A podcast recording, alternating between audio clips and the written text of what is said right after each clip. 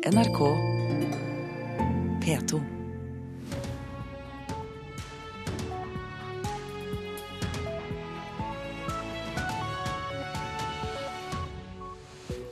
Og det er Øystein Heggen som ønsker deg velkommen til nyhetsavdelingens sending i dag, onsdag 20. mai. Vi har disse sakene 6.30. Indonesiske fiskere har reddet mer enn 370 båtflyktninger som trolig har drevet rundt på havet i flere uker. Midtøsten er mørkere og mer komplisert enn på lenge, sa utenriksminister Børge Brende før møtet med Netanyahu. Hva sier han etterpå? Det får du også vite her i Nyhetsmorgen. Frykt for nedlegging av småflyplasser når Avinor legger fram sin rapport om 17 flyplasser i dag. Og mange blir krenket av hvordan de omtales på nettet. Folk vet lite om hva det er lov å publisere, sier advokat Jon Wessel Aas. Der tror jeg folk har litt å lære, for det har vært sånn som vanlige medier har måttet kunne de grensene før. Og de må vanlige mennesker som er publisister i dag, også lære seg. Og Vi markerer også at en berømthet avslutter etter 33 år, nemlig den amerikanske talkshow-verten David Letterman. Indonesiske fiskere har reddet over 370 mennesker fra en båt utenfor kysten av Aceh-provinsen. I natt ble utenriksministrene i Thailand, Malaysia og Indonesia enige om å gjøre det som er nødvendig for å redde de tusener som fortsatt befinner seg til havs, mange av dem med lite mat og drikke. Også myndighetene i Myanmar sier de er klare til å hjelpe, melder nyhetsbyrået AFP.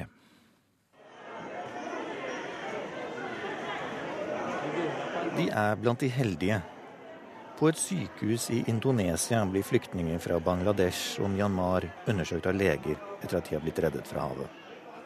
Over 370 flyktninger har det siste døgnet blitt reddet fra en båt utenfor kysten av Aceh-provinsen. Og de har trolig vært ute på havet i ukevis.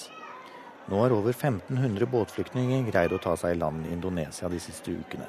Samtidig som det trolig befinner seg tusenvis av andre i havområdet mellom Myanmar og Indonesia. Foreløpig har ikke landene i området ønsket å gjøre noe særlig med problemet. Men i natt ble utenriksministrene i Thailand, Malaysia og Indonesia enige om at de skal gjøre det som må gjøres for å redde disse menneskene. Men foreløpig har ingen av landene sagt seg villig til å ta imot flyktningene som har flyktet fra fattigdom i Bangladesh og undertrykkelse i Myanmar. Reporter Christian Aanensen. Utenriksminister Børge Brende reiser i dag til Ramallah for å møte palestinske ledere. Reisen i Midtøsten er en del av forberedelsene til møtet i giverlandsgruppen for palestinerne i Brussel neste uke. I går møtte Brende Israels statsminister Benjamin Netanyahu. Og utenriksminister Børge Brende, du er nå med oss fra Jerusalem. God morgen. God morgen, god morgen. Du har nylig sagt at bildet er mer komplisert og mørkere enn på lenge med tanke på egen palestinsk stat. Hva sier du etter møtet med Netanyahu? Det var et eh, konstruktivt eh, møte med eh, Netanyahu. Understreka jo viktigheten av at man gjenopptar forhandlingene om en tostatsløsning basert på grensene før 67. Det var ingen avvisning av dette fra Netanyahu sin side.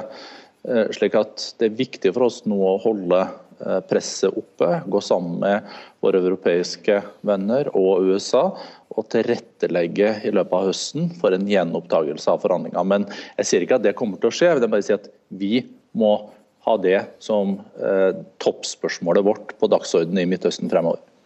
Du sa det var konstruktivt møte med Benjamin Netanyahu. Var det fordi det var et høflig møte, eller eh, gjorde det deg mer optimistisk?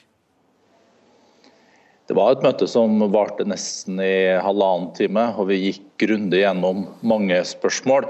Eh, jeg hadde forventa eh, en kanskje sterkere avvisning knytta til spørsmål vi tok opp når det gjaldt palestinernes muligheter til å drive næringsvirksomhet i områder i dag eh, de ikke har tilgang til, eh, kalt område C.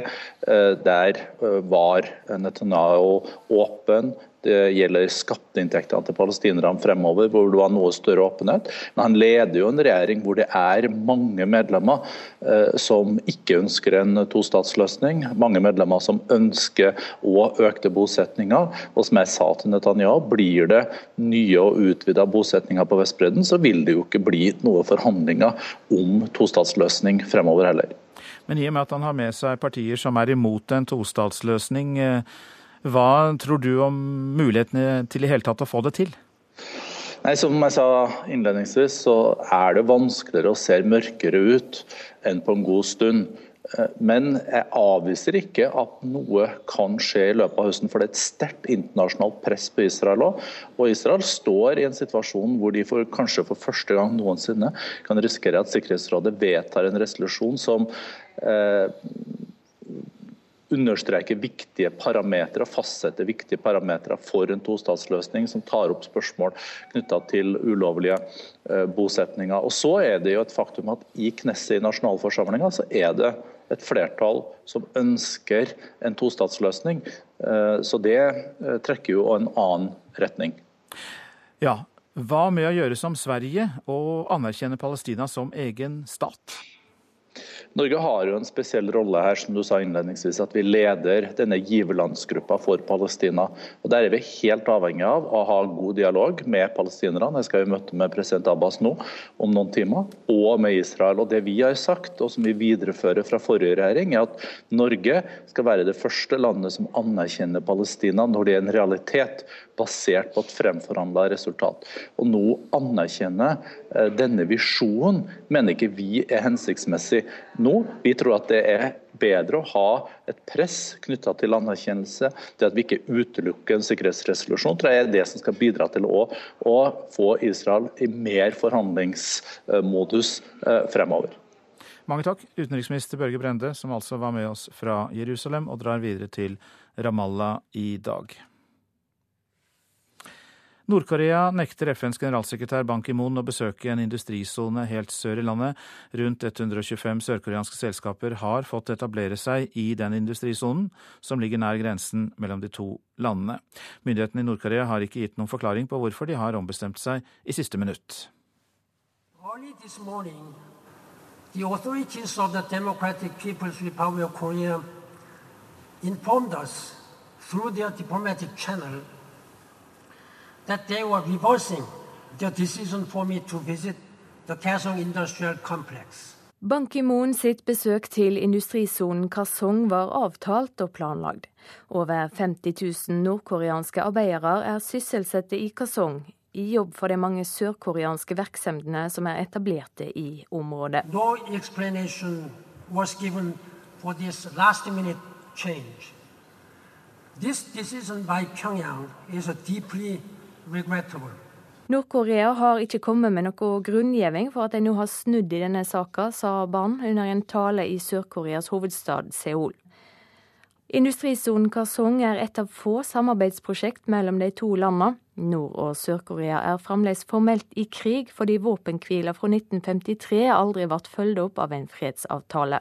However, I, as the Secretary General of the United Nations, will not spare any efforts to encourage the DPRK to work with the international community for peace and stability on the Korean Peninsula and beyond. FN-toppen understreker likevel at han fremdeles vil oppmuntre Nord-Korea til å arbeide med det internasjonale samfunnet for fred og stabilitet på den koreanske halvøya. Og Det er tolv år siden en sittende generalsekretær i FN har besøkt Nord-Korea. Reporter Silje Sande. En brasiliansk journalist er funnet halshogd i delstaten Minar Gerais. 67 år gamle Evani José Metzger var en undersøkende journalist som jobbet med en sak om narkotikahandel og barneprostitusjon i Brasil. I forrige uke ble han meldt savnet, og i går ble levningene funnet. Det lokale journalistforbundet opplyser at Metzger ble advart på forhånd, og betegner drapet som et angrep på pressefriheten i landet. Avisene her hjemme, litt om det de er opptatt av. Det stille folkemordet er oppslaget i Vårt Land. Rohingya-folket rømmer fra Myanmar fordi de blir nektet statsborgerskap, helsetjenester, utdanning og jobber. 6000 driver rundt på båter i Det indiske hav. Vi er vitne til en villet politikk, sier Audun Ågre, leder i Burma-komiteen. Gubbeveldet rundt Erna Solberg er tema i Dagens Næringsliv, for blant hennes statssekretærer og rådgivere er det 44 menn, men bare 19 kvinner. Samtidig truer den samme regjeringen med å bytte ut styrer i selskaper som ikke sørger for flere kvinnelige sjefer. Det er kjønnsdeling av arbeidsoppgavene blant norske toppledere, får vi vite i Dagsavisen. Bare 17% av kvinnelige ledere sier partneren gjør mest hjemme, mens det blant mennene er 64% som forteller at den de bor sammen med, gjør det meste av arbeidet på hjemmebane. Kineserne har planer om store oppkjøp i Norge, skriver Aftenposten. Selv om det politiske klimaet er kjølig, bidrar lav oljepris og billig krone til at kinesiske investorer står klare med milliarder til oppkjøp av norske bedrifter innenfor energi, shipping og fisk, forteller Shanghai-advokat Tormod Ludvig Nilsen. Butikkansatte, kontormedarbeidere, telefonselgere og regnskapsførere risikerer at 95% av arbeidsoppgavene deres overtas av datamaskiner de neste 20 år, får vi vite i VG. De som jobber med undervisning, helse og ingeniørfag er derimot i tryggere yrker. Gjeldsbombe truer Statoil, er oppslaget i Klassekampen. Sviktende oljepris fører til at selskapet må låne 200 milliarder kroner de neste to årene, ifølge analytiker i Arctic Securities. Samtidig skal Statoil betale eierne utbytte på 50 milliarder. Kommunikasjonssjef Jannik Lindbekk jr. i Statoil sier at uh, selskapet må være en attraktiv aksje for å ha tilgang til egenkapitalmarkedet. Kvinnelige politistudenter ble vist porno i politibil. Det skriver de om i et anonymt brev i Dagbladet i dag. Rektor ved Politiskolen, Nina Skarpnes, skriver i en e-post til avisa at de vil ta tak i saken umiddelbart, og at det skal være nulltoleranse for trakassering. Mens politikerne nå diskuterer om det er boliger nok for 10 eh, 000 flere syriske flyktninger i Norge, så venter Steve Gazelle på et fast hjemsted her, hjemsted her i landet. Han er flyktning fra Syria og har fått asyl i Norge, men er ikke tildelt noen bostedskommune. I fem måneder har han ventet i Tromsø, men der får han sannsynligvis ikke bo. Tusen takk. Tusen takk for støtten.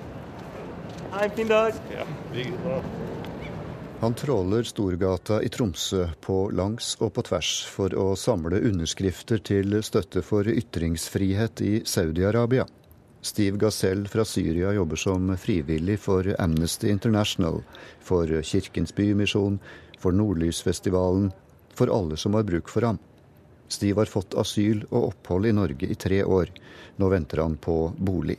Når han får det, vet han ikke ennå tell us that we should wait and uh, the settlement could take long or maybe it will be fast. It depends on the pressure or it depends on they found housing or not. Her i Tromsø har jeg en mulighet til å finne meg bolig sjøl, forteller Steve, men det er ingen enkel sak. I hvert fall ikke for en flyktning. Men det er i Tromsø jeg drømmer om å bo, sier han. Well, I'm dreaming of staying in Tromsø, but unfortunately they transferred my files for misty reason. I didn't know what it is. They transferred my files to the south. I was so engaged here in so much activities and was so engaged in this society in Tromsø. And uh, they got me this message from Indy that I should move out. Steve Gazelle har fått beskjed fra Integrerings- og mangfoldsdirektoratet IMDi om at han må flytte sørover, til Oppegård kommune. Det er fint overalt i Norge, men jeg har allerede blitt engasjert i så mye her i Tromsø, sier Steve, som har forsøkt å få omgjort avgjørelsen ved å legge ved anbefalingsbrev fra dem han jobber for, men uten hell. Og jeg vet ikke engang årsaken til at jeg ikke får bo her, sier han.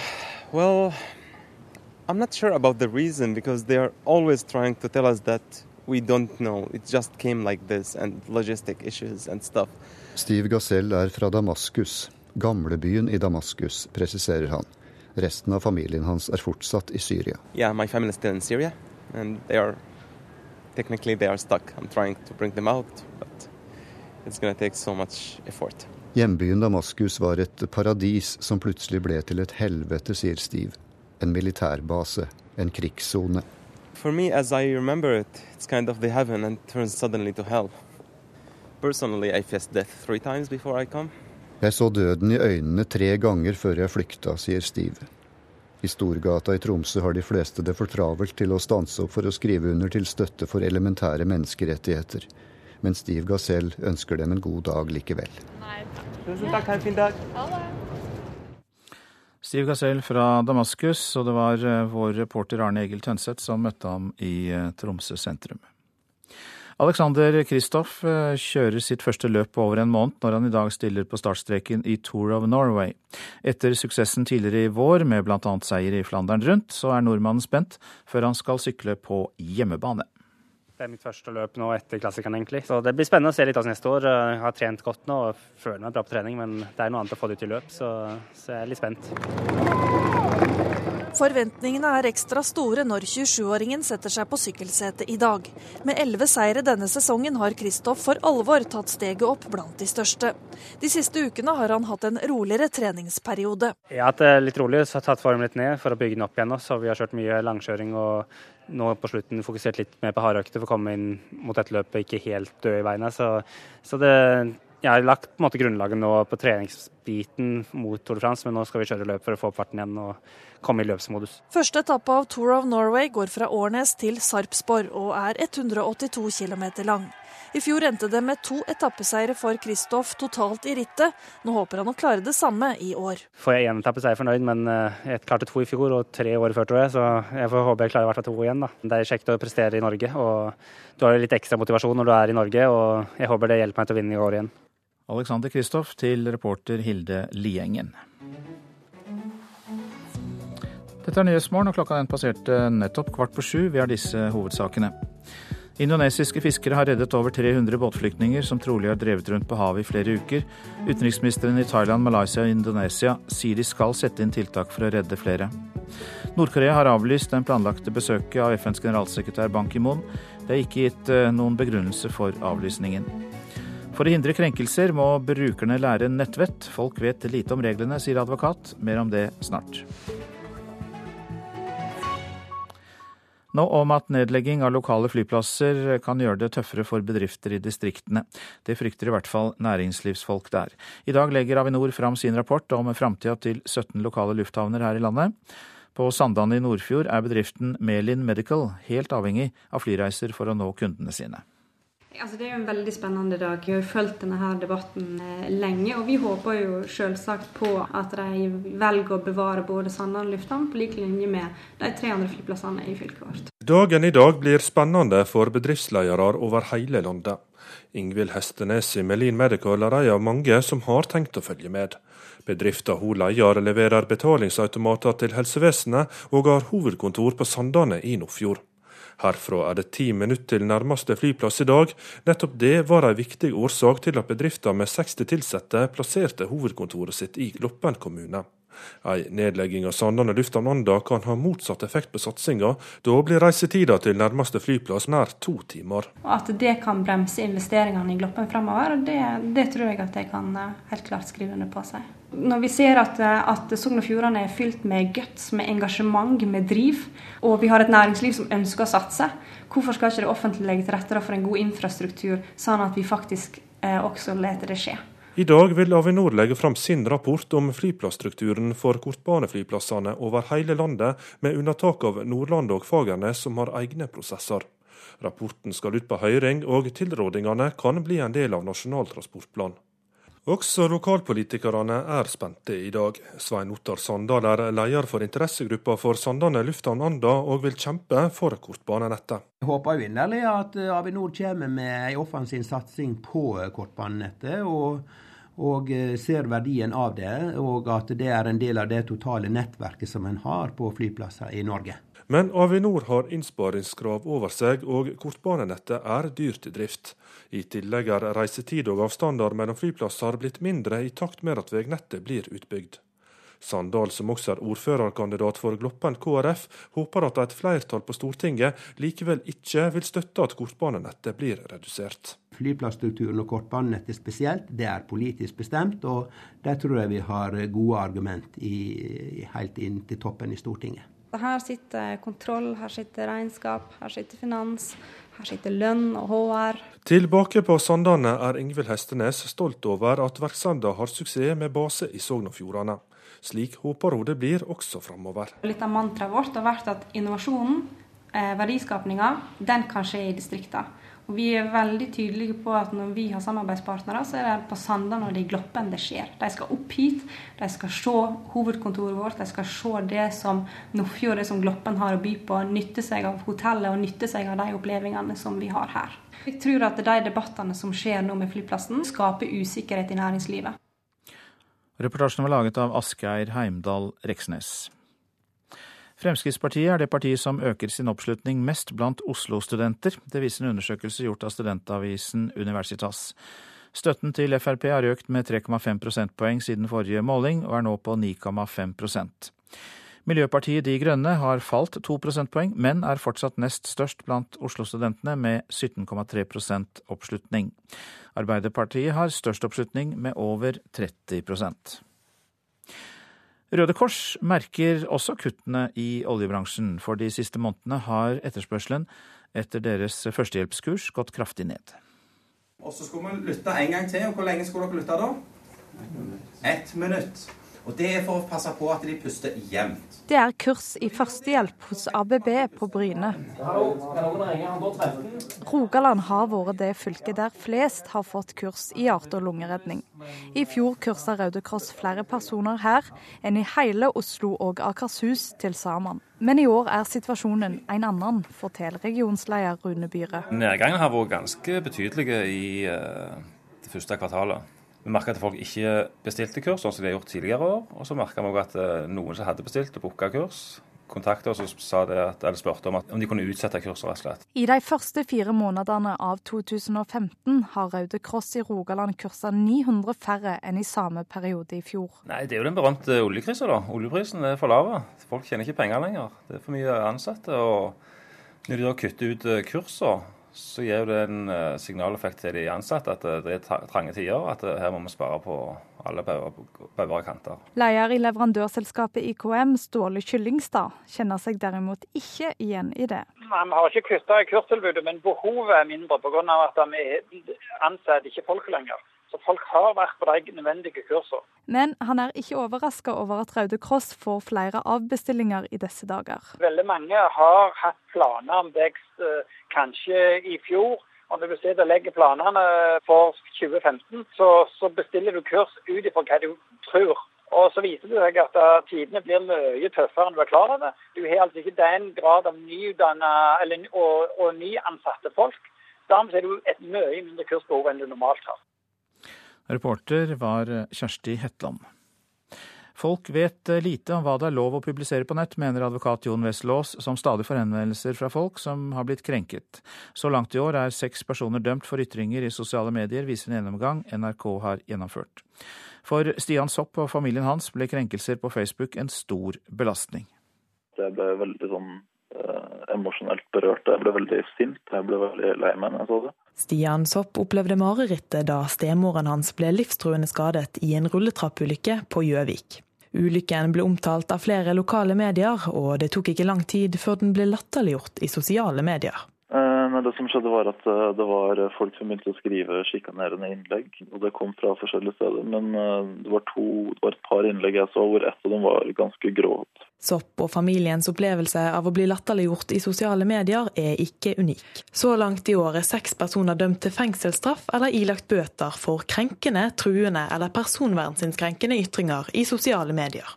Det viser en gjennomgang NRK har gjennomført du har alt fra liksom, trusler, altså hvor det er åpenbart at vedkommende ønsker å, å, gjøre noe ubehagelig overfor en annen, til det jeg vil kalle det mer uskyldig, eller der man ikke mener å gjøre noe galt, men man legger ut kanskje bilder av andre personer uten at man har tenkt på at uh, utgangspunktet er at det må man ha samtykke til. Eller at man eh, går litt hardt ut med beskyldninger mot folk, uten at man kanskje har eh, dekning for dem. Advokat Jon Wessel Aas har lang erfaring med saker om ytringsfrihet på nett, og var forsvarer i en av sakene der en mann ble dømt for krenkelser. Han mener folk vet for lite om hva det er lov å publisere i sosiale medier. Dette med grensen mellom ytringsfrihet og folks privatliv f.eks., eller det vernet vi alle har mot å bli utsatt for uh, urettmessige beskyldninger, der tror jeg folk har litt å lære. For det har vært sånn som først og fremst vanlige medier har måttet kunne de grensene før. Og de må vanlige mennesker som er publisister i dag, også lære seg.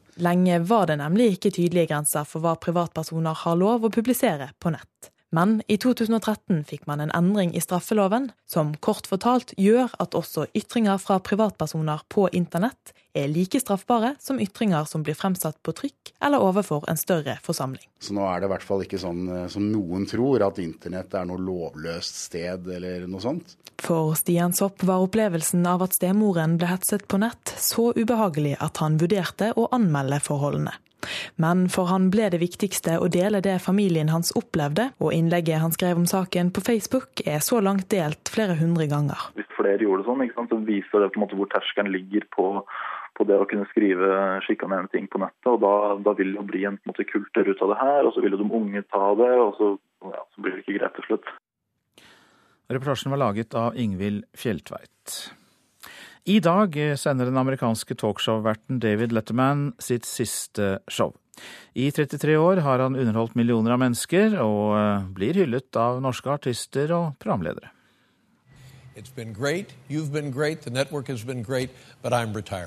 Den amerikanske TV-show-verten David Letterman avslutter i dag 33 år som talkshow-vert, med tidenes kjendisbonanza. Den siste uka har store navn som Oprah Winfrey, George Clooney og Bob Dylan satt av tid til å besøke mannen en siste gang. Are you going to clean out your office here yourself? Yes, I've already done that. How is that? Uh, easy, because I started oh, four or five years ago, Oh, really? I, saw the, I saw the writing on And the how wall. did you decide?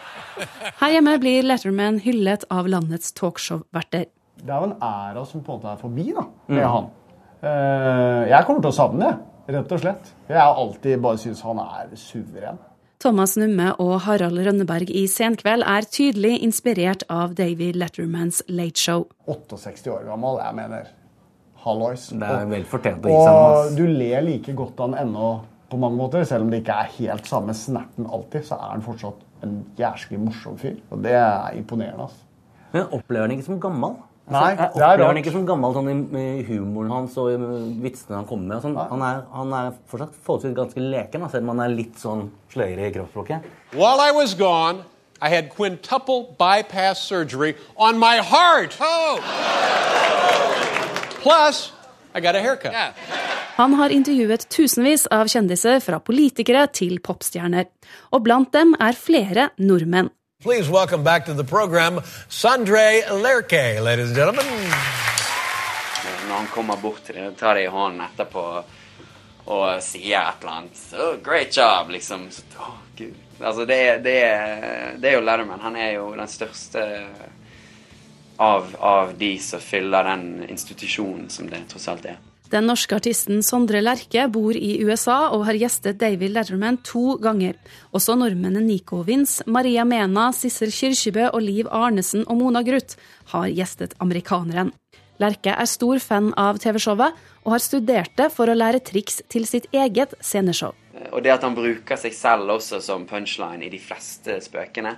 Altså de fleste eh, tingene eh, bruker han seg selv og sin karikatur, da. Eh, og driver gjøn med seg sjøl. Så det var en periode at jeg ble altfor opptatt av eh, alt jeg sa mellom låtene og glemte nesten å spille. Jeg kunne bare snakke meg bort, for jeg syntes det var så gøy å være eh, entertainer på scenen. Den reportasjen om David Letterman den fikk vi fra reporter Eirin Venås Sivertsen.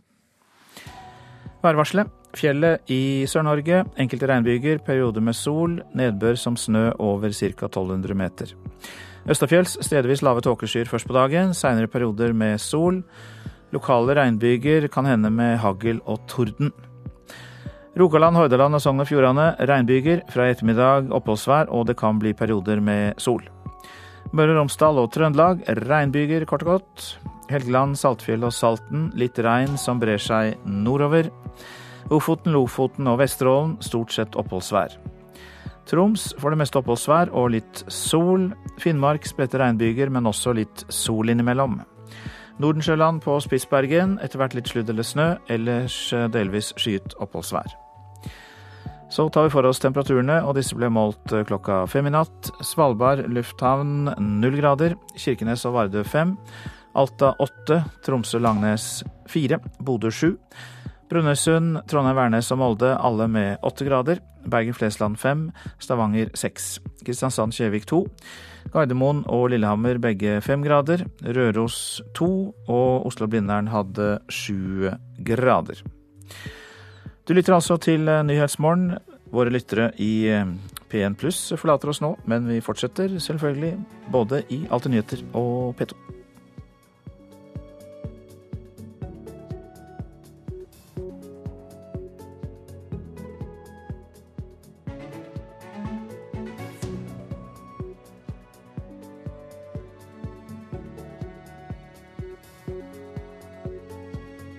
NRK P2.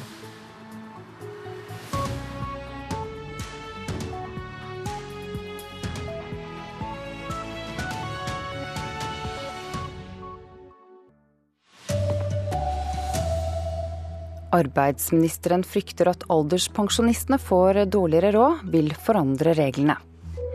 Vi må presse på for å få til en tostatsløsning i Midtøsten, sier utenriksminister Børge Brende. Her er NRK Dagsnytt klokken sju.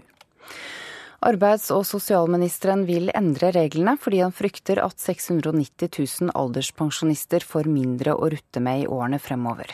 Med dagens regler får pensjonistene i år et tillegg som er lavere enn prisstigningen. Robert Eriksson sier han vil hindre at det skjer i årene som kommer. Jeg syns at øh, vi skal ha en anstendig kjøpekraftsutvikling for norske pensjonister. Norske pensjonister har hatt en anstendig øh, kjøpekraftsutvikling over tid. Det er viktig at det ivaretar også i, i framtida. Ditt parti Fremskrittspartiet øh, var ikke med på pensjonsforliket sist. Men vil du nå ha et nytt forlik med alle partiene i Stortinget, så man får endret på reglene som rammer pensjonistene? I regjeringsplattformen så ligger eh, pensjonsreformen fast. Det vil vil gjøre videre framover. Det er en god reform for eh, pensjonistene. Men vi ønsker nå også å gå sammen med de andre parlamentariske lederne for å se på om vi kan få bedre reguleringsprinsipp som ivaretar pensjonistenes kjøpekraftsutvikling på en bedre måte enn, de, enn det dagens regler gjør. Reporter Hedvig Bjørgum. Utenriksminister Børge Brende sier det er viktig å opprettholde presset for å få til en tostatsløsning i Midtøsten. Brende er i Midtøsten som en del av forberedelsene til møtet i givergruppen for palestinerne i Brussel i neste uke. Og i går møtte Brende Israels statsminister Benjamin Netanyahu. Det var et eh, konstruktivt eh, møte med eh, Netanyahu understreka jo viktigheten av at man gjenopptar forhandlingene om en tostatsløsning basert på grensene før 67. Det var ingen avvisning av dette fra eh, Netanyahu sin side. Eh, slik at Det er viktig for oss nå å holde eh, presset oppe, gå sammen med våre europeiske venner og USA og tilrettelegge i løpet av høsten for en gjenopptakelse av forhandlinger. Men jeg sier ikke at det kommer til å skje, jeg vil bare si at vi må ha det som eh, toppspørsmålet vårt på dagsordenen i Midtøsten fremover. Ja, Det sa utenriksminister Børge Brende. Mattilsynet ber Landbruksdepartementet om lov til å bestemme hva som skal skje med vanskjøttede dyr som fratas eierne. I dag må eierne gi skriftlig samtykke til omplassering. Hvis ikke slikt eh, samtykke blir gitt, må myndighetene avlive dyret. I løpet av høsten skal Landbruksdepartementet avgjøre om dyrevelferdsloven skal endres, slik at Mattilsynet overtar ansvaret for dyret uten eiers samtykke. NRK Dagsnytt, Ida Creed. Her i Nyhetsmorgen skal vi høre hva Pensjonistforbundet mener om det vi hørte i Dagsnytt, at alderspensjonistene kan få mindre å rutte med i årene fremover. Familier med begavede barn velger vekk den offentlige skolen. Og Norsk organisasjon for asylsøkere kritiserer at unge enslige asylsøkere fortsatt sendes ut av Norge. De blir sendt tilbake til oftest Italia, hvor de kan bli rekruttert til prostitusjon, til kriminalitet, og som ofte sett fra deres øyne er den eneste muligheten til å brødfø seg. Jon Ole Martinsen, seniorrådgiver i NOAS. Og nå kan du glatte ut rynker og få fyldigere lepper hos tannlegen, men ikke alle er enige i at tannlegene skal bruke tid på det. Arbeids- og sosialministeren frykter at 690 000 alderspensjonister kan få mindre å rutte med i årene fremover. Med dagens regler får pensjonistene et tillegg som er lavere enn prisstigningen i år. Og Robert Eriksson vil endre reglene. Jeg syns at vi skal ha en anstendig kjøpekraftsutvikling for norske pensjonister. Norske pensjonister har hatt en anstendig kjøpekraftsutvikling over tid. Det er viktig at det ivaretar også i, i framtida. Ditt parti Fremskrittspartiet var ikke med på pensjonsforliket sist. Men vil du nå ha et nytt forlik med alle partiene i Stortinget, så man får endret på reglene som rammer pensjonistene? I regjeringsplattformen så ligger eh, pensjonsreformen fast. Det vil vil gjøre videre framover. Det er en god reform for eh, pensjonistene. Men vi ønsker nå også å gå sammen med de andre parlamentariske lederne for å se på om vi kan få bedre reguleringsprinsipp som ivaretar pensjonistenes kjøpekraftsutvikling på en bedre måte enn, de, enn det dagens regler gjør. Vårens vakreste eventyr blir lønnsoppgjøret kalt, men til tross for at trygdeoppgjøret er statens dyreste, 690 000 alderspensjonister får mindre penger å leve for hvis reglene følges i år. Pensjonistene får nemlig like mye som arbeidstakerne får, men minus 0,75% Det ble bestemt etter pensjonsreformen. I år ender den lange formelen for utregning med at pensjonistene får rundt en halv prosent nedgang i kjøpekraften sin. Det er inntektstillegget minus prisstigningen. Organisasjonene krever derfor ekstra lønnstillegg til pensjonistene i år som dette. Men arbeids- og sosialminister Robert Eriksson vil heller endre reglene. Helst fra neste år, og om nødvendig med tilbakevirkende kraft. Ja, Vi vil igangsette arbeidet umiddelbart, og vil gå gjennom dette i god tid før trygdeoppgjøret i 2016. Så vil vi se da, ut ifra hva det faktiske forhold i år vil tilse. Skulle norske pensjonister komme negativt ut i år, så vil vi også vurdere om man skal kompensere det i 2016-oppgjøret. Robert Eriksson som, sa, Eriksson, som sa det til vår reporter Hedvig Bjørgum. Generalsekretær Harald Olimb Nordmann i Pensjonistforbundet, god morgen til deg. God morgen, ja. ja hva syns du om Erikssons initiativ? Jeg kunne jo kanskje sagt at det hørtes fint ut, men eh, det kommer altfor seint. Vi, vi, så allerede i januar måned at dette kunne gå riktig galt. Så vi sendte en bekymring allerede da over til Robert Eriksson og ba han innstendig om å ta kontakt med Stortinget for å få en aksept for å fravike retningslinjene allerede i, i inneværende år. Så det burde han ha gjort.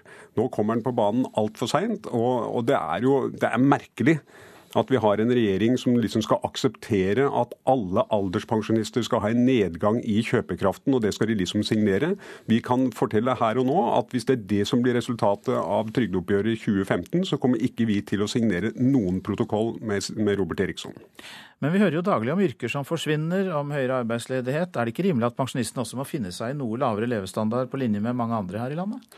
Jo, men nå har vi hatt et lønnsoppgjør hvor, eh, som har endt med at alle lønnsmottakere har fått 0,6% økning i sin kjøpekraft.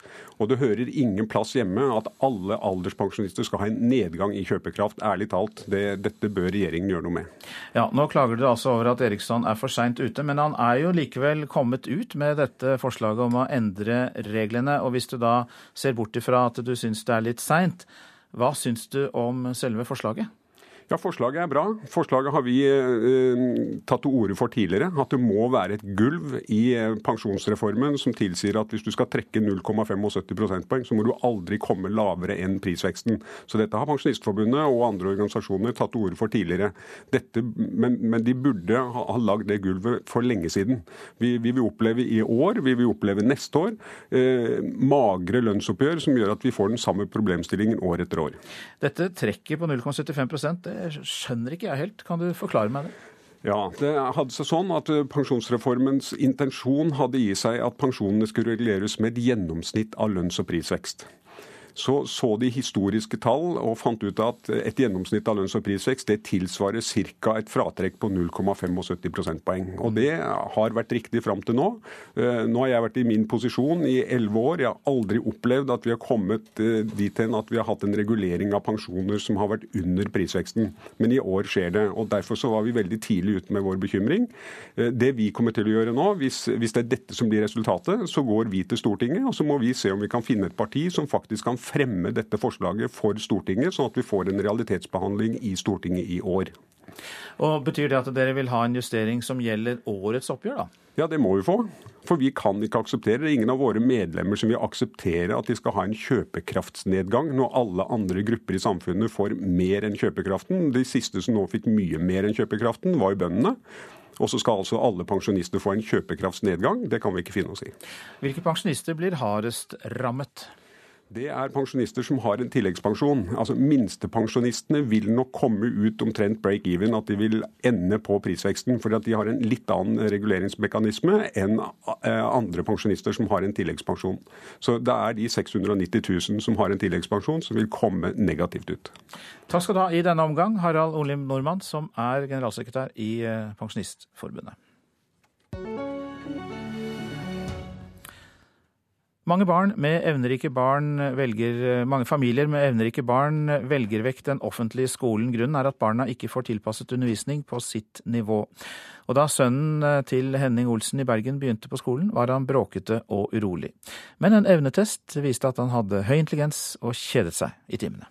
Han lærte alfabetet da han var to og et halvt, og eh, begynte så smått å lese da han var eh, tre og et halvt. Dette var jo helt uten at vi pushet på eller noe sånt. Han var bare ekstremt nysgjerrig. Sønnen til Henning Olsen i Bergen gledet seg til å begynne på skolen. Men det førsteklassingene skulle lære, kunne han fra før. Da begynte problemene. Det var katastrofe nesten fra dag én. Han begynte å oppføre seg veldig, veldig dårlig. Fordi han kjedet seg, ble han bråkete og vanskelig. Foreldrene valgte derfor å la sønnen begynne på en privat skole. Og det er flere familier med evnerike barn som velger vekk den offentlige skolen fordi de ikke får undervisning tilpasset sitt nivå. Det sier Jan Terje Baklar, Mensa-medlem og daglig leder i kompetansesenteret Fabulinus. Hvis jeg skal forholde meg til den erfaringen jeg har fra rundt 150 familier jeg har vært i kontakt med de fire årene jeg har holdt på med dette, så er det den løsningen de aller fleste velger etter at de har forsøkt å få til tilpasset opplæring i den offentlige skolen. Mellom 2 og 5 prosent av alle barn er regnet som spesielt evnerike, ifølge forskning. Ifølge Baklar blir mange av disse barna bråkete og vanskelige fordi de kjeder seg. Styreleder Jon Terje Bjørke i Montessori-forbundet sier de også får mange henvendelser fra foreldre som ønsker mer tilpasset undervisning til sine barn. Vi får flere og flere hvert år fra elever som trenger litt ekstra oppfølging for at de er sterke i faget. En evnetest viste at sønnen til Henning Olsen holdt et svært høyt nivå i annet matte. I dag får han oppgaver tilpasset sitt nivå. Han trives på skolen og er en langt roligere gutt enn før. Men den offentlige skolen burde gjort mer for disse barna, mener Olsen. Om man er flink i sport, så er det greit. Men eh, om man er flink i eh, matematikk, så er det noe som er tabubelagt. Og eh, reporter her, det var Siri Løken. I løpet av høsten skal Landbruksdepartementet avgjøre om dyrevelferdsloven skal endres. Dyreeiere som blir fratatt retten til å ha kjæledyr, kan i dag selv bestemme om dyret skal avlives eller tas hånd om av andre. Nå ber Dyrevernalliansen om et endret regelverk for å hindre det de kaller dødsdom for dyrene. I de små lokalene til Dyrevernalliansen rusler Mira rolig mellom de ansatte. Den svartbrune eurasieren kommer fra en god heim og lever et godt liv, men ikke alle kjæledyr har det slik. Med jevne mellomrom fatter Mattilsynet vedtak om at hunder som Mira ikke kan fortsette å leve hos eieren sin grunnet mishandling eller vanskjøtsel.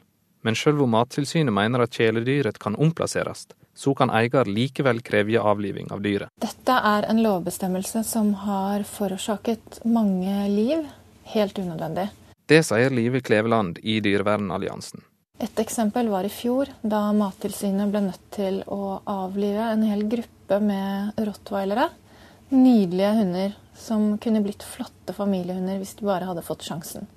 De ble avlivet fordi deres eh, mishandler, eieren deres, krevde at de måtte dø. Også seksjonssjef i Mattilsynet, Torunn Knevelsrud, mener at dagens lovverk i for liten grad tar omsyn til dyrs egenverd. Loven gir Mattilsynet hjemmel til å ta dyr i midlertidig forvaring. Men hvis dyret da ikke kan føres tilbake til eieren, så kan ikke Mattilsynet bestemme omplassering eller salg hvis eieren ikke går med på det. Og I så fall må dyret faktisk avlives, selv om dyret være, er friskt og kunne være egnet til å bli omplassert. Mattilsynet vil derfor endre dyrevelferdsloven. I et forslag oversendt til Landbruksdepartementet ber Mattilsynet om å få makt til å kunne gjennomføre omplasseringsvedtak, sjøl om dyreeier motsetter seg dette og vil avlive dyret. I Landbruksdepartementet blir forslaget godt mottatt av statssekretær Hanne Maren Blåfjelldal. Og Vi ser jo at det er utfordringer når det gjelder dyrevelferd i dagens eh, lov. Nå har vi fått eh, vurderinger fra Mattilsynet på endringer til dyrevelferdsloven på akkurat denne paragrafen, og vi går nøye gjennom de vurderingene. og vil vurdere endringer av dyrevelferdsloven og vil konkludere senest i løpet av høsten. I Dyrevernalliansen håper de at denne konklusjonen vil styrke dyr sine retter i framtida. Vi i Dyrevernalliansen har godt håp om at vi skal klare å endre denne lovbestemmelsen, slik at mishandlede dyr slipper å få dødsdom som den eneste hjelpen fra samfunnet. At samfunnet tvert imot kan gi dem et godt liv den tiden de har igjen etter å ha blitt reddet fra vold og overgrep. Reporter her var Bård Holmen Solvik. Klokka den er kvart over sju om få sekunder. Vi har disse hovedsakene i Nyhetsmorgen. Arbeids- og sosialministeren frykter at alderspensjonistene får mindre å rutte med i årene fremover, og vil endre reglene. Generalsekretær Harald Olimb Nordmann i Pensjonistforbundet krever justering allerede i årets pensjonistoppgjør. Mange familier med evnerike barn velger vekk den offentlige skolen. Grunnen er at barna ikke får tilpasset undervisning på sitt nivå. Og indonesiske fiskere har reddet over 370 båtflyktninger som trolig har drevet rundt på havet i flere uker. Vi får flere detaljer om det snart. Først om at eh, Norsk organisasjon for asylsøkere, NOAS, er kritisk til at Norge sender ut unge enslige asylsøkere til Italia og andre europeiske land. De risikerer å bli rekruttert til kriminalitet og prostitusjon, ifølge NOAS, som også mener at flere av dem kan være mindreårige. Pål Bertelsen er eh, verge, eller representant som det heter nå, for en ung gutt som flyktet fra Somalia. Til slutt så var han blant de heldige som, som kom i en båt, og, og var også blant de heldige som, som overlevde og kom fram til Sicilia. Gutten sier han er 16 år gammel, og da han kom til Norge ble Bertelsen oppnevnt til det som før kaltes verge, nå heter det representant. Men utlendingsmyndighetene mener gutten er 18. Han er blitt intervjuet og har gått gjennom alderstesten, tannundersøkelse og røntgen av håndroten. De fleste som har møtt gutten, de, de, mener at han er eh, under 18 år, og at han er eh, mellom 16 og 18, er, er de fleste mener. Men alderstesten sier noe annet? Den sier også at man kan ikke utelukke at barnet er under 18 år. Men konklusjonen er at eh, de mener at han er eldre enn 18. Dermed skal han sendes tilbake til Italia og søke om asyl der, fordi det var det første europeiske landet han kom til. NOAS har fått flere henvendelser om tilsvarende saker. Vi har snakket med mange representanter den siste eh, tiden, eh, som alle er fortvilt over at de ser det de anser som barn, blir definert som voksne og sendt som pakkepost rundt Europa. Sier seniorrådgiver Jon Ole Martinsen. De blir sendt tilbake til oftest Italia, hvor de ikke har noe som helst mottakstilbud. Hvor de kan bli rekruttert til prostitusjon, til kriminalitet, og som ofte sett fra deres øyne er den eneste muligheten til å brødfø seg. Han mener Utlendingsdirektoratet, UDI, legger for stor vekt på alderstestingen, som også er omstridt. Vi ser gjentatte ganger at når alle andre har uttalt at uh, disse barna er under 18 år, så er det likevel alderstesten som legges til grunn. Vi mener at uh, aldersundersøkelsen er en del av en helhetsvurdering, og at det ikke blir lagt avgjørende vekt på det. Svarer avdelingsdirektør Hanne Gjendal i UDI. De intervjuer søkeren og får innspill fra andre som møter flyktningen i løpet av prosessen. Så det er en helhetsvurdering, og vi har gode sikkerhetsmarginer i forhold til om vi fastslår om folk er over eller under 18 år. Er det mange som lyver på alderen og sier de er yngre enn de faktisk er? Altså Det er vanskelig for oss å si hvor mange som lyver, men det er nok en del som på en måte tenker at de har noe å oppnå ved å si at de er under 18 år. Reporter Katrin Hellesnes. Indonesiske fiskere har altså reddet over 370 mennesker fra en båt utenfor kysten av Artsjø-provinsen. I natt har det vært samtaler mellom utenriksministrene i Thailand, Malaysia og Indonesia. Og reporter Christian Aanensen, du er kommet til studio og uh, følger med på denne saken. Hva vet vi om møtet i Kuala Lumpur? Foreløpig så er det ikke kommet ut så veldig mange detaljer om det møtet, men eh, utenriksministrene skal da ifølge BBC ha blitt enige om å gjøre noe for å redde disse båtflyktningene.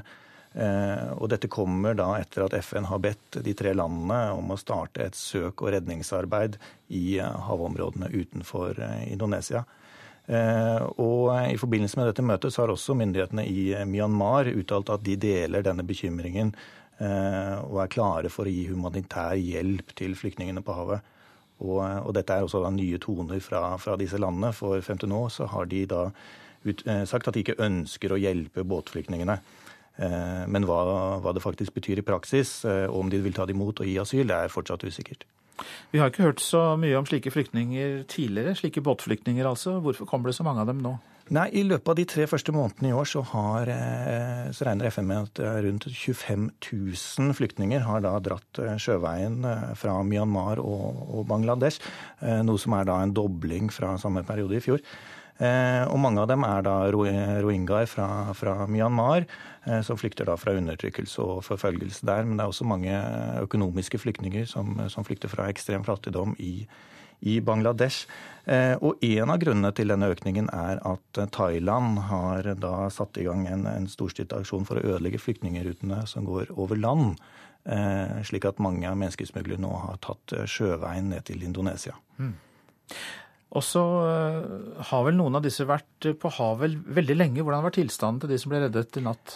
De er eh, veldig svake og, og, trenger eh, legehjelp. De har da vært ukevis eh, til, til sjøs og har hatt lite mat og lite drikke. Flere forteller nå i dag også om at det har vært regelrette kamper om bord i båtene mellom flyktningene og menneskesmuglerne i en desperat kamp om å få både kontroll over båtene og, og maten. Og i, land, i dag kom det også i land ganske mange kvinner og, og barn. Mange takk, reporter Christian Aanesen. Nå til eh, Danmark. Diskobesøk, luksusreiser og dyre hotellopphold. Ja, skandaleomsuste Lars Løkke Rasmussen kan likevel bli ny statsminister i Danmark. Hvis transportministeren lige må bli bedt om å la være med å rope til meg okay? Det var en partileder på hugget under den siste spørretimen før valget til nytt folketing i Danmark. Tror du at dyre sko kan ramme deg i den kommende valgkamp? Ja, Det vil jo kreve at noen der bruker deres øh, dyre eller billige sko på å kaste dem etter meg. Øh, så vil det jo kunne ramme meg. Det er jo ikke en, en, en del av, av, tradisjonen i Danmark. Der skal man visst inn i andre kulturkredse øh, før man bruker det med å kaste sko etter hverandre.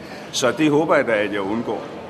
Lars Løkke Rasmussen bare gliser da NRK spør om han tror de dyre skoene vil ramme han politisk i valgkampen. De dyre skoene er nemlig bare litt av en sak der han brukte drøye 150 000 kroner av partiets pengekasse på reiser til Mallorca for familien og for hotellopphold. Bilagssaker har forfulgt ham. Allerede i 2008 kom han i søkelyset for å ha brukt skattebetalernes penger på sigaretter, kasino og disko. Det her er jo ikke tog til tiden, det er tilrop til tiden. Men Løkke Rasmussen ser ut til å overleve alle skandalene og forsnakkelsene, og ligger an til en politisk revansj. I 2011 måtte han nemlig overlate nøkkelen til regjeringskontorene til Helle Thorning-Smith, som ble Danmarks første kvinnelige statsminister. Nå er Løkke Rasmussen klar for comeback. Vi har, når vi sammenligner med andre lande, Norge, Sverige, Tyskland, Holland, for mange på offentlig forsørgelse. Nesten 800 000 danskere. Det tallet skal bringes ned. Det skal det av hensyn til den økonomiske sammenhængskraft i vores samfunn, men nok så meget også pga. den menneskelige sammenhængskraft. Sosialdemokratenes Helle Thorning-Smith er ikke mindre tent foran valgkampen. Venstre nekter systematisk å svare på hvem der skal betale regningen for deres nullvekst. Og de prøver å by danskerne inn at det ikke er noen regning, men selvfølgelig er det det. Snart er det folketingsvalg igjen. Trass skandalene er det Lars Løkke som ligger best an. Det er også derfor jeg i dag overfor statsministeren har gjentatt at jeg stiller meget gjerne opp til en uh, duell med henne. Øyvind Nyborg, København. Så til det avisen er opptatt av her hjemme. Gubbeveldet rundt Erna Solberg er tema i Dagens Næringsliv, for blant hennes statssekretær og rådgivere er det 44 menn, men bare 19 kvinner. Samtidig truer den samme regjeringen med å bytte ut styret i selskaper som ikke sørger for flere kvinnelige sjefer. Det er kjønnsdeling av arbeidsoppgavene blant norske toppledere, får vi vite i Dagsavisen.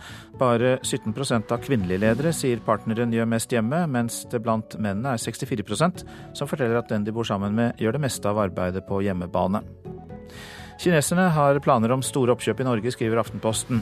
Selv om det politiske klimaet er kjølig, bidrar lav oljepris og billig krone til at kinesiske investorer står klare med milliarder til oppkjøp i norske bedrifter innenfor energi, shipping og fisk, forteller Shanghai-advokat Tormod Ludvig Nilsen. Butikkansatte, kontormedarbeidere, telefonselgere og regnskapsførere risikerer at 95% av arbeidsoppgavene deres overtas av datamaskiner de neste 20 år. Det skriver VG.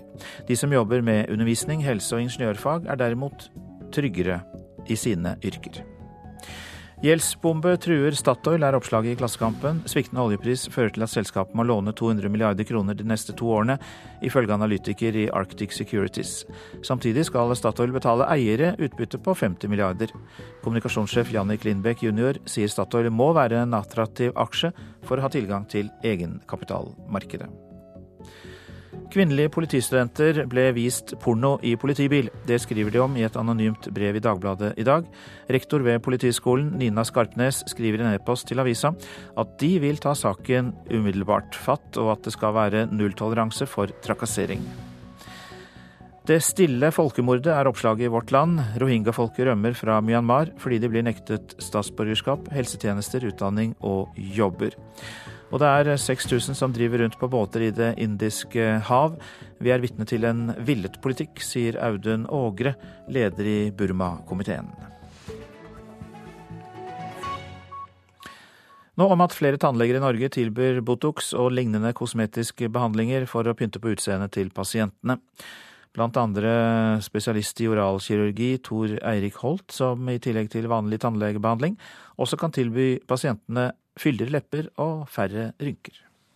Markerer vi hvor jeg skal stikke henne. På Tollbugata tannlegesenter i Bodø setter Tor Eirik Holt ei sprøyte med Botox på en pasient som plages av anspenthet og smerter i kjevemuskulaturen. Kjevesmerter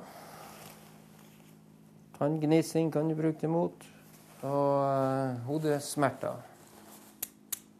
Men man trenger ikke å ha et tannhelseproblem for å få satt ei slik sprøyte hos tannlege Holt.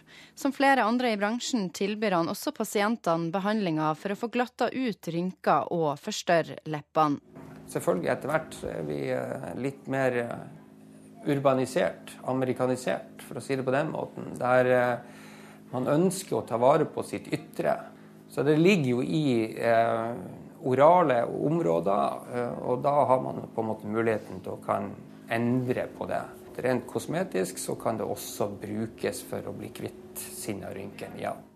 Vri hodet litt mot meg, sånn er flott. Og så biter sammen igjen. Det jeg tenker er at det avspeiler um, hvor populært disse her litt sånn ikke så alvorlige kosmetiske inngrepene. Altså at det er ikke kirurgisk, men det er liksom eh, Man bruker da nåler, eller man bruker laser, eller man bruker andre ting for å liksom forbedre spesielt hud i forhold til rynker osv. Førsteamanuensis i helsepsykologi Ingela Lundin Kvalem mener terskelen for å gjøre slike inngrep senkes ytterligere når sprøytene blir mer tilgjengelig, som f.eks. hos tannlegen. Det blir liksom enda mer alminneliggjort. Det er liksom som, litt som å gå på butikk eller altså Det blir som der Plutselig er det i ditt nærområde, og da blir jo barrierene for å ta det mindre. Rundt 70% av dem som velger å endre på utseendet med kirurgi eller injeksjoner, er kvinner mellom 35 og 65 år. Det har blitt billigere, og det har blitt uh, lettere å få tak i det. Det er flere som tilbyr det. Uh, og det er også at normene i samfunnet har endret seg. Det er mer akseptert nå enn hva det var på 60-tallet, f.eks. Da har liksom ingen turt å innrømme at de har tatt kosmetisk kirurgi, mens det er liksom ikke så farlig nå. Og det så vi når vi undersøkte kvinner som tok kosmetisk kirurgi på Coliseumklinikken i Oslo. Så den vanligste grunnen var at andre rundt dem eh, hadde tatt det. Så at de liksom hadde fått ideen fra liksom venninner eller folk de kjente. At tannleger setter Botox og såkalte fillere er omstridt i fagmiljøet. Det er noen som sier vi kan jo gjøre det, og så sier andre at ja, men hvorfor skal vi gjøre det? Det sier leder i Nordland tannlegeforening, Mette Helen Johansen. Det er veldig delte meninger på det. Jeg tror nok at de fleste tannleger er litt negative til at dette er noe vi skal drive på med. Vi liker jo å tenke på oss sjøl som eh, en stand med høy integritet, og tenker først helse framfor utseende. Nordmenn brukte i fjor totalt 9 milliarder kroner på utseende, som er 30% mer enn i 2007. Hos Tor Eirik Holt koster ei behandling fra 3000 kroner og oppover. Og så lenge folk vil ha Botox og fillere, så vil han tilby det. Det er klart det har bygd seg opp et, eh, et ikke nødvendigvis et skjønnhetsideal, men en, en, at folk ønsker å bruke litt mer penger på seg sjøl, har jeg mer inntrykk ut av. Reporter her var Lise Forfang Hagen. Du lytter til Nyhetsmorgen. Produsent i dag Ulf Tannesfjell. Her i studio Øystein Heggen. Et grusomt drama pågår i havområdene i Sørøst-Asia. De asiatiske båtflyktningene er tema også for reportasjen etter Dagsnytt.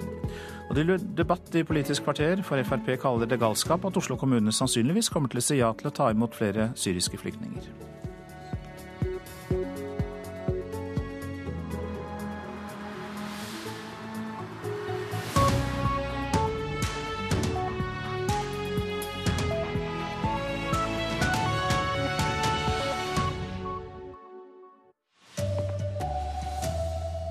690 alderspensjonister kan få dårligere råd. Derfor vil arbeidsministeren forandre reglene. Indonesiske fiskere har reddet flere hundre mennesker fra en båt utenfor kysten av Arche-provinsen. Og talkshow-stjernen David Letterman avslutter sin 33 år lange TV-karriere i dag. While I was gone, I had quintuple bypass surgery on my heart. Oh! Plus, I got a haircut. Her er NRK Dagsnytt klokken 7.30. Arbeids- og sosialministeren vil altså endre reglene, fordi han frykter at 690 000 alderspensjonister får mindre å rutte med fremover. Med dagens regler får pensjonistene i år et tillegg som er lavere enn prisstigningen, og Robert Eriksson vil hindre at det skjer i årene som kommer. Ja, Vi vil igangsette arbeidet umiddelbart, og vil eh, gå gjennom dette i god tid før trygdeoppgjøret i 2016. Så vil vi se da, ut ifra hva det faktiske forhold i år vil tilse. Skulle norske pensjonister komme negativt ut i år, så vil vi også vurdere om man skal kompensere det i 2016-oppgjøret. Vårens vakreste eventyr blir lønnsoppgjøret kalt, men til tross for at trygdeoppgjøret er statens dyreste, 690 000 alderspensjonister får mindre penger å leve for hvis reglene følges i år. Pensjonistene får nemlig like mye som arbeidstakerne får, men minus 0,75% Det ble bestemt etter pensjonsreformen. I år ender den lange formelen for utregning med at pensjonistene får rundt en halv prosent nedgang i kjøpekraften sin. Det er inntektstillegget minus prisstigningen. Organisasjonene krever derfor ekstra lønnstillegg til pensjonistene i år som dette. Men arbeids- og sosialminister Robert Eriksson vil heller endre reglene helst fra neste år, og om nødvendig med tilbakevirkende kraft. Jeg ønsker og har invitert eh, de parlamentariske lederne sammen med statsministeren til å diskutere det, eh, disse eh, prinsippene. Vi har blitt enige om at vi skal foreta en gjennomgang av reguleringsprinsippene. Vi skal ha en ny gjennomgang med de parlamentariske lederne når vi har gått grundig gjennom dette, og det skal gjøres i god tid for trygdeoppgjøret i 2016. Reporter Hedvig Bjørgum. Generalsekretær Harald Olimb Nordmann i Pensjonistforbundet sier de ikke vil gå med på et oppgjør som gir nedgang. Vi så allerede i januar måned at dette kunne gå riktig galt, så vi sendte en bekymring allerede da over til Robert Eriksson og ba han innstendig om å ta kontakt med Stortinget for å få en aksept for å fravike retningslinjene allerede i, inneværende år. Så det burde han ha gjort. Nå kommer han på banen altfor seint, og, og det er jo det er merkelig at vi har en regjering som liksom skal akseptere at alle alderspensjonister skal ha en nedgang i kjøpekraften, og det skal de liksom signere. Vi kan fortelle her og nå at hvis det er det som blir resultatet av trygdeoppgjøret i 2015, så kommer ikke vi til å signere noen protokoll med, Robert Eriksson. Indonesiske fiskere har reddet over 370 mennesker fra en båt utenfor kysten av Aceh-provinsen. I natt ble utenriksministrene i Thailand, Malaysia og Indonesia enige om å gjøre det som er nødvendig for å redde de tusener som fortsatt befinner seg til havs, mange av dem med veldig lite mat og drikke. Og også myndighetene i Myanmar sier at de er klare til å hjelpe.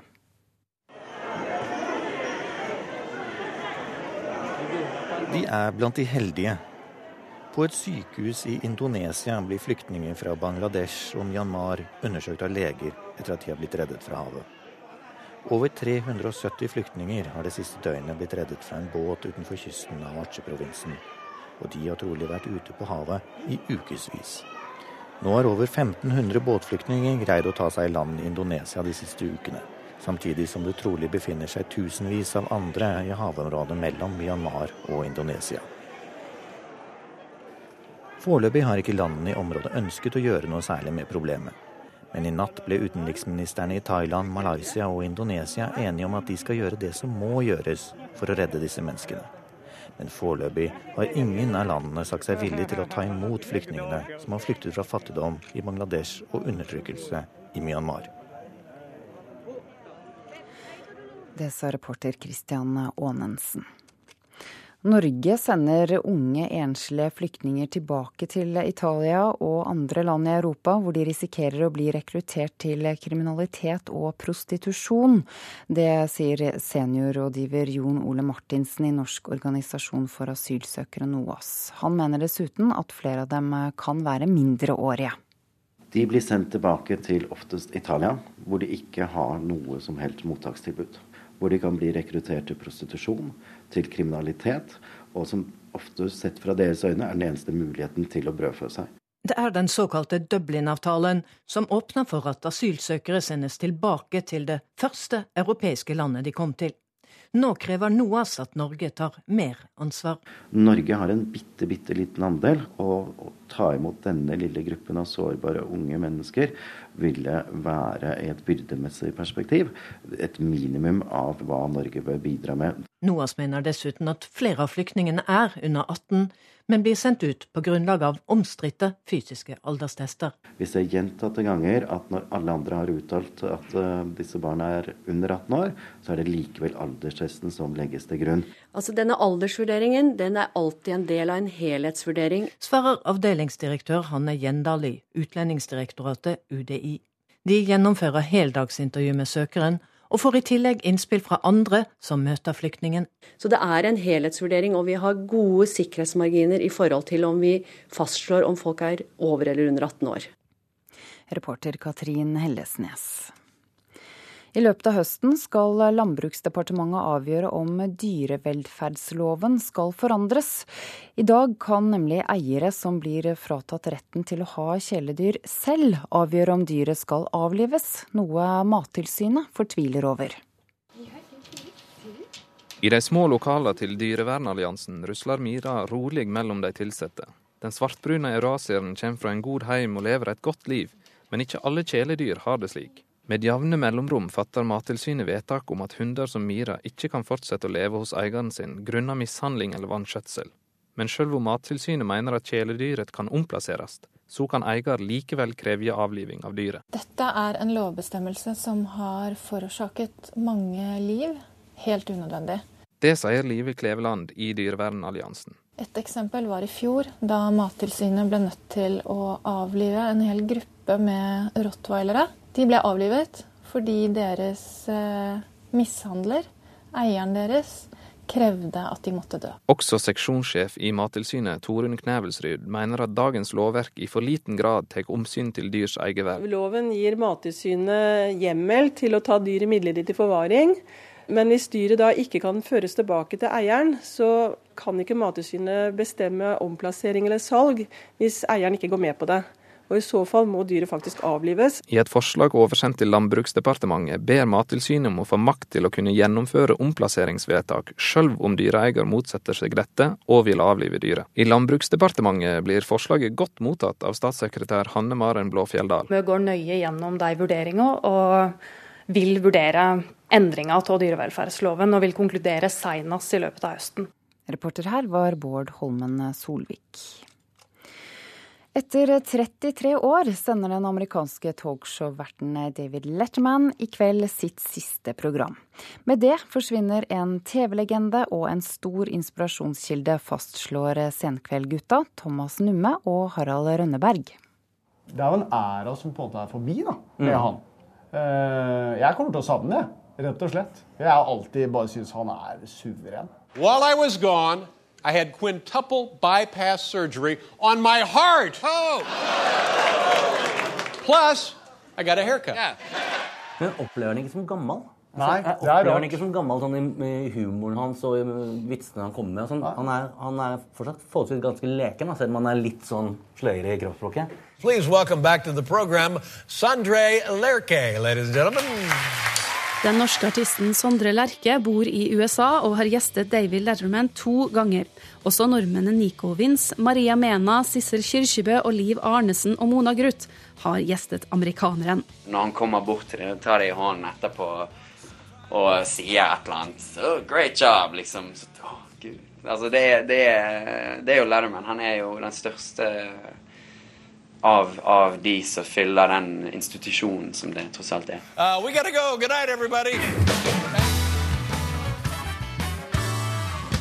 Reporter her var Eirin Vena Sivertsen, og fenomenet Lettman er også tema i Kulturnytt på P2 etter klokken åtte. Ansvarlig for denne sendingen er Sven Gullvåg. Teknisk ansvarlig er Hanne Lunås. Jeg heter Ida Creed.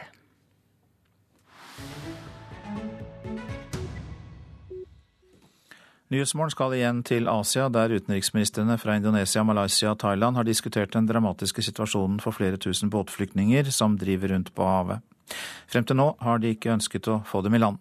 Det hele startet med et grufullt syn i begynnelsen av mai.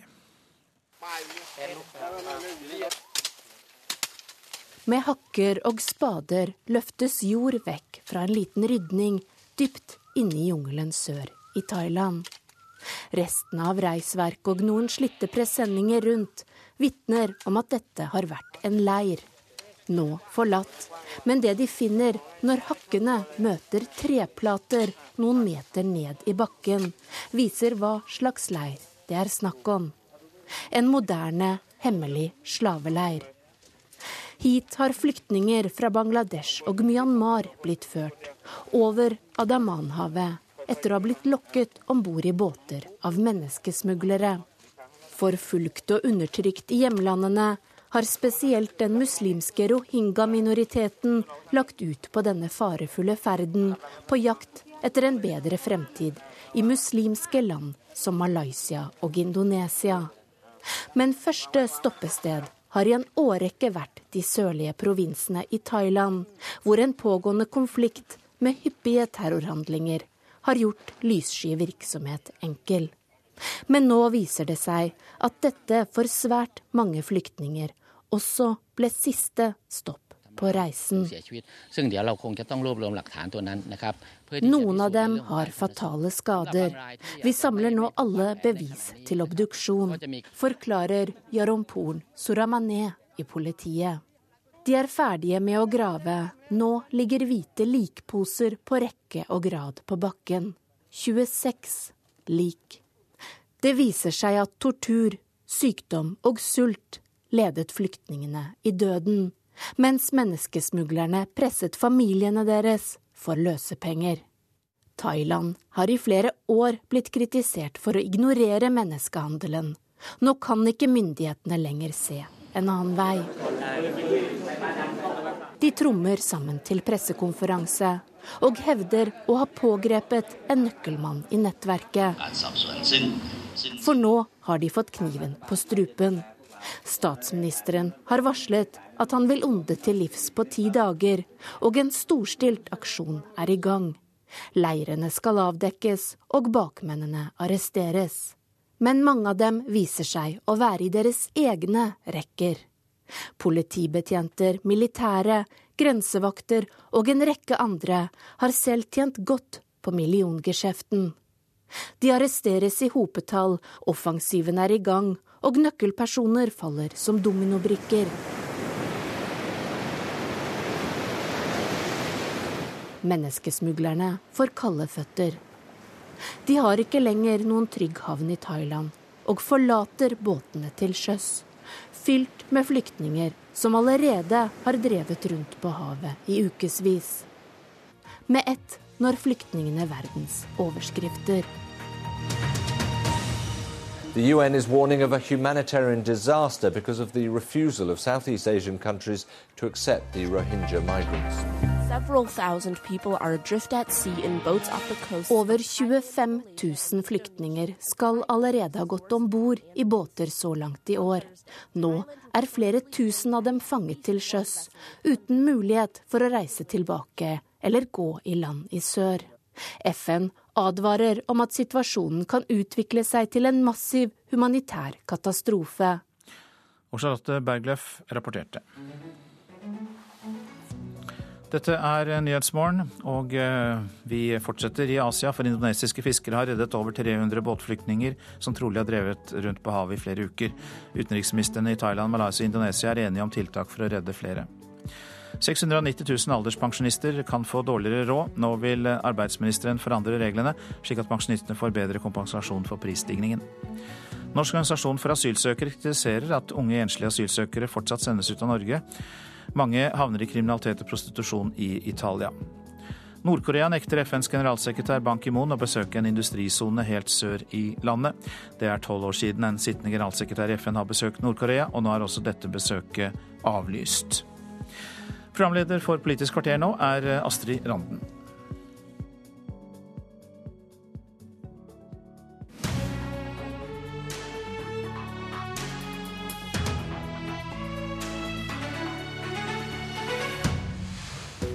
I dag sier Oslo kommune ja til å ta imot sin del av de 10 000 syriske flyktningene.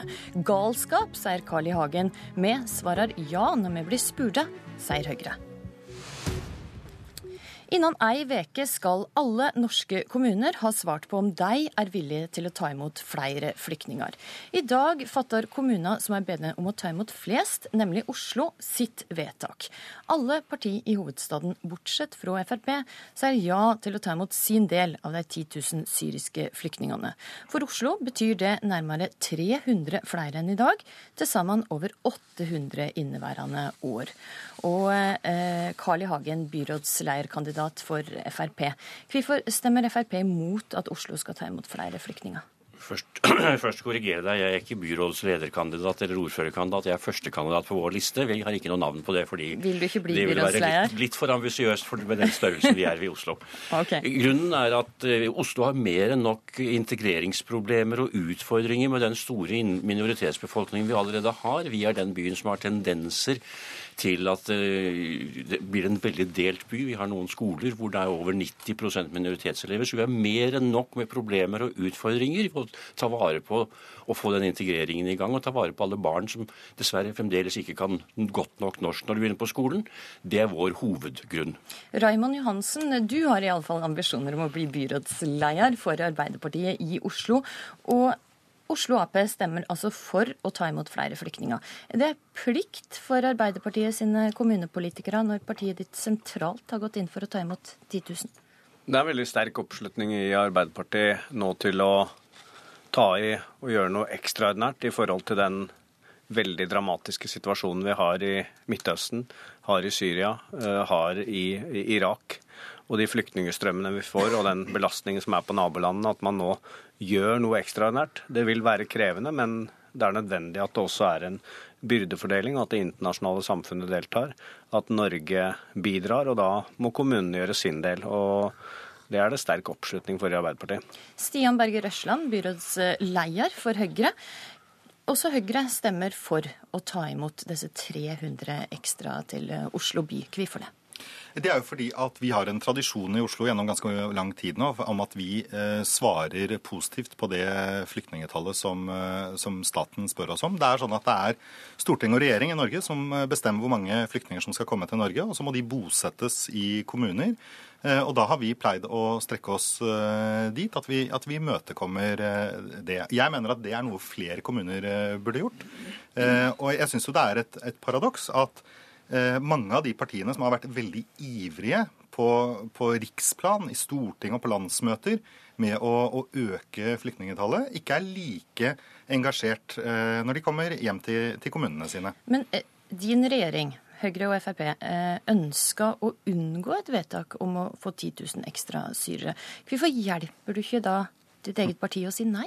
Det er jo fordi at vi har fått en, en forespørsel fra regjeringen hva som skjer dersom, eh, dersom et sånt vedtak fattes. Men jeg syns jo at eh, det er viktig også å peke på at det er jo ikke sånn at Norge ikke gjør noe i dag. Altså, det er, så FNs eh, høykommissær for flyktninger sier at de har kun 16% av ressursene de trenger for å hjelpe folk i nærområdene. Men de har klart å få bosetting for 66% av flyktningene i Syria de trenger å, å få ut. Så behovet for hjelp i nærområdet er enormt, og det er stort, og det er viktig at Norge bidrar. Og det gjør vi også. Regjeringen har akkurat økt bidraget med 250 millioner, så vi er nå oppe i 1 milliard. Og i tillegg til det så er det altså slik at Norge er det eh, landet som er på tredjeplass i Europa når det gjelder hvem som tar imot flest flyktninger fra Syria. Vi er bare slått av Tyskland og Sverige. Men du jeg vil litt tilbake til at Høyre sentralt sier vi kan ikke ta imot 10 000, kommunene har ikke mulighet til dette. Mens det i Oslo sier ja. Og spørsmålet som departementet stilte var hvor mange kan det ta imot? Og det var to scenarioer. Ett på hvis en fordelte disse 10 000 syriske flyktningene utover i norske kommuner. Et annet og mindre tall hvis ikke disse 10 000 var med. Det valgte altså å bruke det tallet der de 10 000 syriske flyktningene var med. Tar ikke det, det aktivt stilling mot regjeringa sin politikk?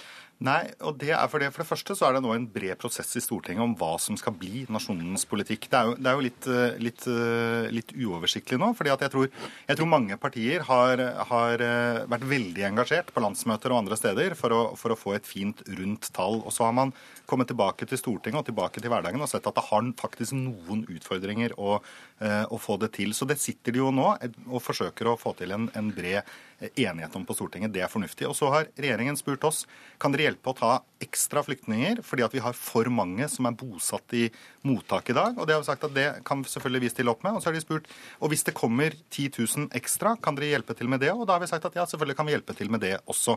Men dette er rikspolitikernes beslutning. Og det utfordringen nå er at uh, du kan komme i en situasjon hvor Solveig Horne, som er statsråd for dette, har nå gjennom de siste to årene fått ned antall uh, personer som er bosatt på mottak. Med det som skjer nå, så er det altså en fare for, hvis ikke kommunene stiller opp, at du får en dramatisk økning i det igjen. Og det er veldig uheldig. Eh, Raymond Johansen, i hva grad er det et paradoks at Høyre sier ja på lokalplan og nei på riksplan? Jeg syns det er veldig gledelig at uh, Oslo Høyre her uh, er veldig tydelig på det ansvaret som kommunene skal og hovedstaden skal ta, og at vi her er villige til å ta opp imot en tidel. Viser jo at det vil være mulig å yte noe ekstra i denne helt helt spesielle, ekstraordinære situasjonen. Men hva tenker klart... du om at de sier ja på riksplan og, og nei på riksplan og ja på lokalplan? Altså, Jeg syns det illustrerer at det er mulig å få til løsninger. Nå sitter partiene og forhandler, og at det er mulig å få til gode løsninger som gjør at vi kan ta imot et betydelig, betydelig ansvar. Det syns jeg er godt illustrert gjennom at uh, vi her i Oslo, har, uh, som har en sterk belastning fra før, er villige til og klare til å, å bidra. Så det er, mm. det er, positivt. Hagen, hva tenker du? Er det et paradoks, Høyre sine to paradoks, ansikter her? Det er et paradoks, Men jeg konstaterer at Oslo Høyre har valgt å la oss si, konkurrere med de andre partiene om å være snillest med bruk av andres penger. og åpne når de kanskje selv ikke har, de, har det inn på kroppen. Eh, men her er det altså snakk om å ta imot 10 000 de, og integreringstilskudd over fem år, som heldigvis regjeringen har økt slik at vi får flere bosatt. Eh, det betyr 10 000 millioner kroner. 10 milliarder er regningen i den femårsperioden for disse 10 000. Og da kunne vi hjulpet uendelig mange flere til et måte å leve på og overleve i Syria internt. Der kunne, der kunne de samme beløp, pengene delt på fire år har hjulpet fire millioner mennesker med mat, medisiner, klær, medisinsk hjelp osv. Eller ytet tilsvarende assistanse i leirer i nabolaget. Nabolandene har store problemer. Men det, de fått, hadde de fått penger av oss, så kunne de kjøpt inn mat og vann og alle disse tingene som de savner. Det er økonomien som her ligger i bånn.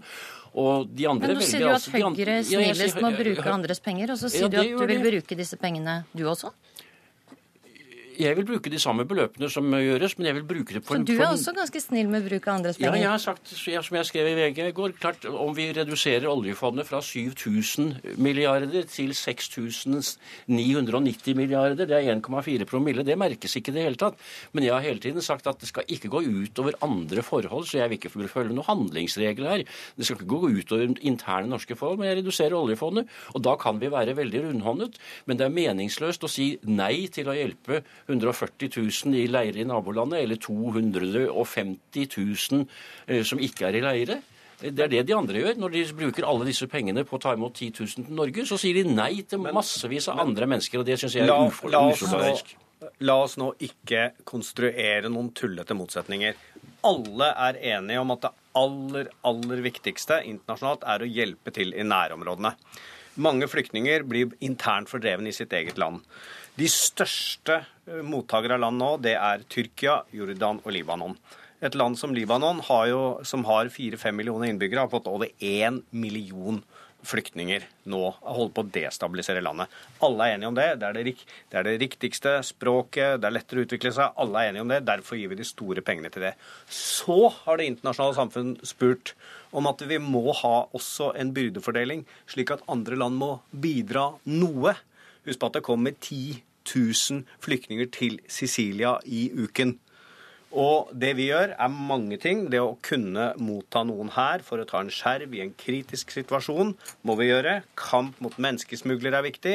Vi har også vært tungt inne både i konflikten i Irak, konflikten i Libanon, vi må gjøre noe i forhold til Eritrea. Dette er et stort internasjonalt engasjement og en stor internasjonal dugnadsinnsats vi nå snakker om i en ekstraordinær situasjon. Så er det viktig at man greier å forhandle fram på Stortinget at partiene blir mest mulig enige i dette, slik at de som kommer, også er velkommen.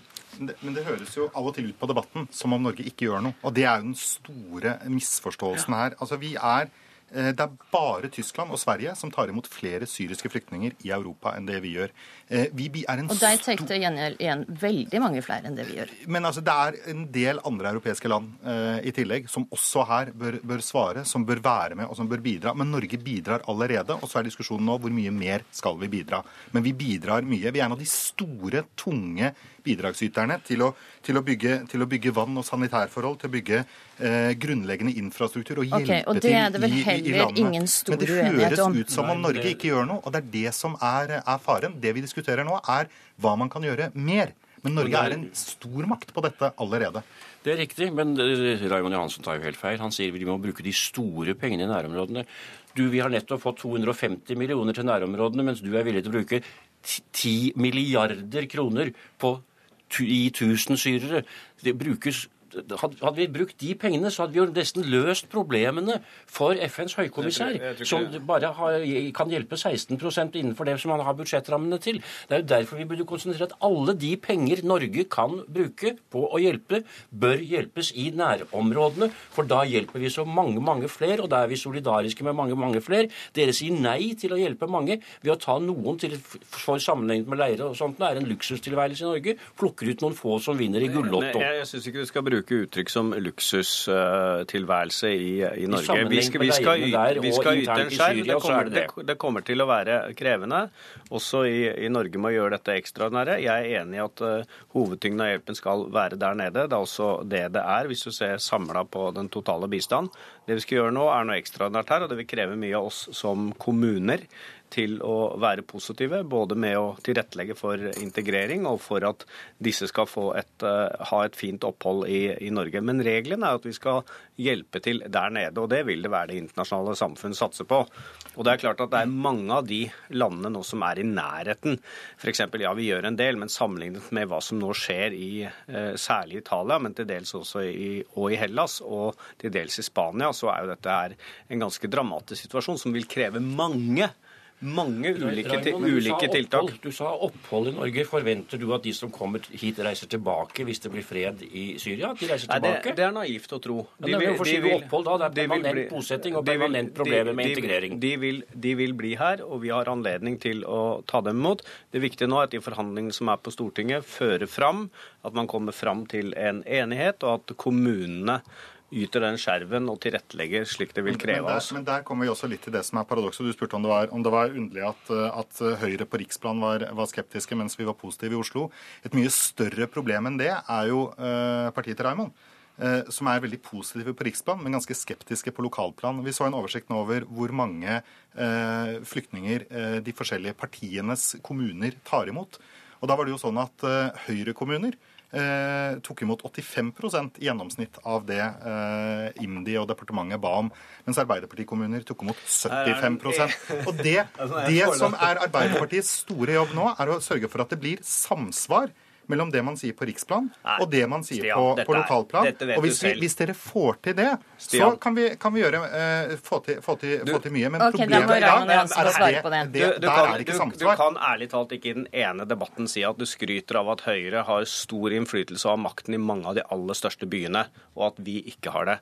Det at man har et større antall her, reflekterer jo at Høyre har en sterkere oppslutning Nei, i de større byene. La oss ta et eksempel. Oss, det, har vært, det, har vært, det, har vært en, det har vært en debatt, f.eks. det at det er spurt om at Stavanger og, og Skien skulle motta like mange. Og Stavanger er bedre i stand til å, ja, og Stavanger er bedre i stand til å, å motta. Det, Det er en sterk oppslutning i Arbeiderpartiet, også blant kommunepolitikerne, til å yte noe i denne ekstraordinære situasjonen. Så det skal du ikke bekymre deg noen ting for, Stian. Det gjenstår å se. Raimond Johansen, Stian Berger Røsland og Carl I. Hagen, tusen takk for at det var med i Politisk kvarter. Denne sendinga er slutt. I studio i dag var Astrid Randen. Hør flere podkaster på nrk.no podkast.